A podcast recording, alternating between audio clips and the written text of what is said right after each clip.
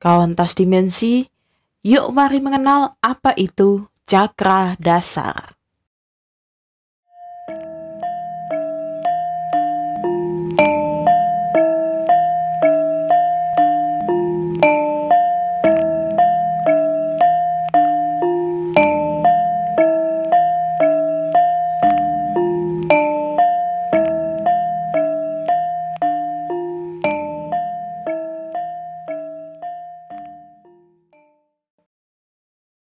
Cakra dasar itu apa sih?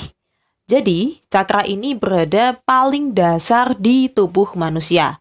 Letaknya di bagian tulang ekor dan fungsi utamanya sebagai pusat energi dari tubuh fisik, kehidupan materi, dan semangat hidup. Simpelnya sih, cakra inilah yang membuat kita bisa bergerak mau ngapain aja. Tentunya pergerakan ini sebuah kegiatan yang teratur dalam keseharian kita ya, bukannya yang penting gerak-gerak gak jelas kayak nari di jalanan gitu kan, nanti ketabrak dong. Atau teriak-teriak kayak orang gila ya, bukan sih itu namanya cakranya berarti sudah error ya.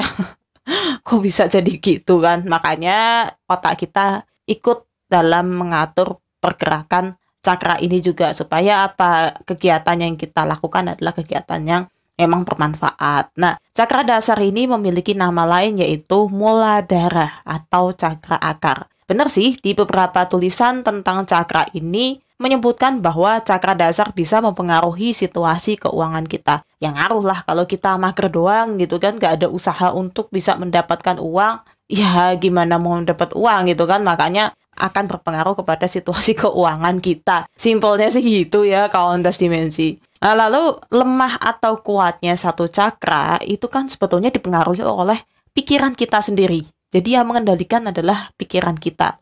Jika cakra dasar ini terlalu lemah, maka yang terjadi adalah kita jadi males melakukan apa ya apa pun itu sih sebetulnya. Termasuk yang kita sebut sebagai mager ya.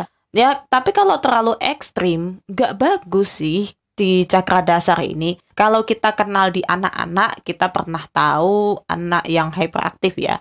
Itu kan akibat cakra dasarnya luar biasa kuat. Jadi energinya, powernya full, tapi gitu kan, nggak tahu mau ngapain. Jadi cuman gerak aja gitu kan. Ya bergerak aja tapi tidak tahu mau ngapain. Makanya anak-anak hyperaktif itu kan kegiatannya adalah diarahkan karena dia full gitu kan, full energi, makanya itu harus diarahkan supaya kegiatan mereka bermanfaat. Nah, berbeda dengan orang dewasa ya. Orang dewasa kalau dia sudah berlebihan ya di cakra ini, kita kenalnya tuh sebagai istilah kerja-kerja-kerja. Eh tipes.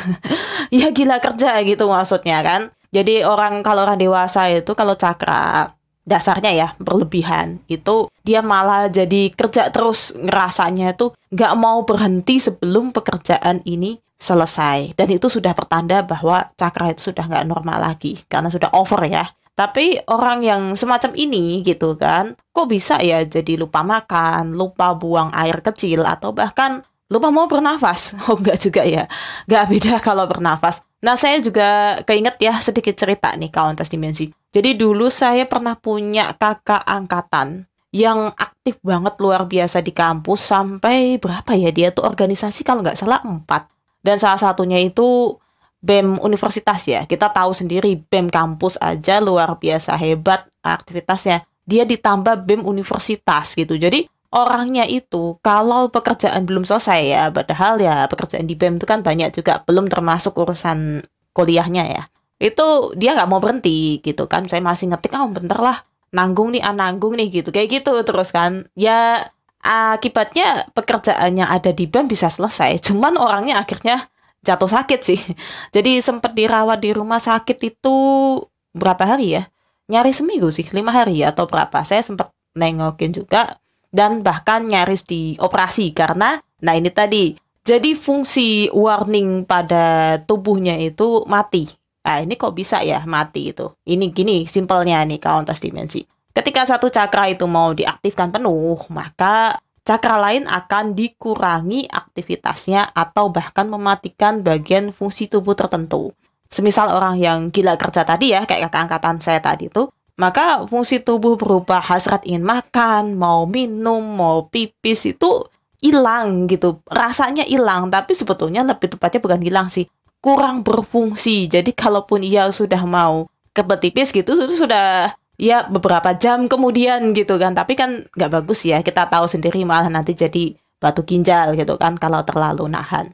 Ya bukan berarti fungsi tubuh ini jadi mati gitu enggak sih. Tapi apa ya uh, sistem warning di dalam tubuh ini nggak nyampe gitu. Karena kan gini uh, kelebihan dari cakra dasar ini ketika dia sudah terlalu ekstrim ya terus energinya kan powerful gitu. Kita buat kerja tuh rasa nggak capek-capek gitu kan. Mau lembur kerja keras sebagai kuda juga nggak masalah. Tapi ya badan kan jadi hancur gitu. Karena itu tadi sistem alarm itu begini. Misalnya uh, apa normalnya ya saya gitu kan kalau kerja kemudian saya merasa aduh kok sakit perut ya melilit. Mungkin karena makan makanan terlalu pedas ada racun di dalam makanannya gitu kan sehingga menstimulus perut saya untuk mules gitu kan untuk BAB gitu. Nah orang yang sudah rusak ya cakra dasarnya ini ini nggak kerasa gitu kan warning warning semacam ini. Bukannya tubuh tidak memberikan warning tapi nggak sampai gitu loh. Ibaratnya apa sih sudah pakai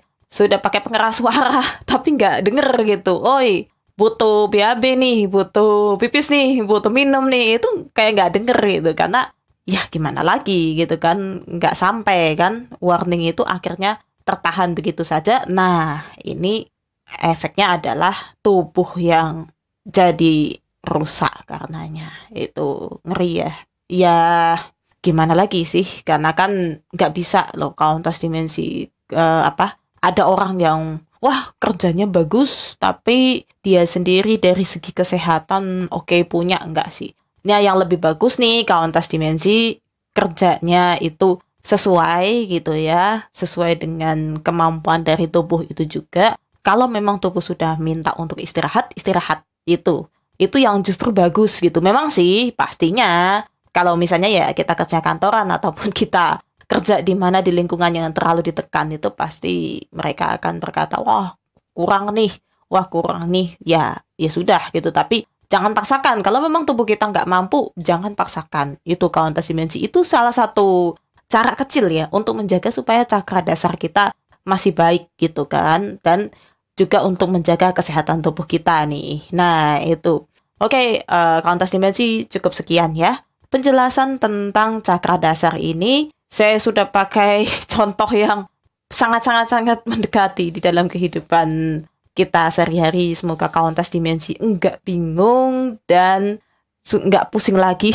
Terima kasih sudah mendengarkan episode kali ini dan salam semesta.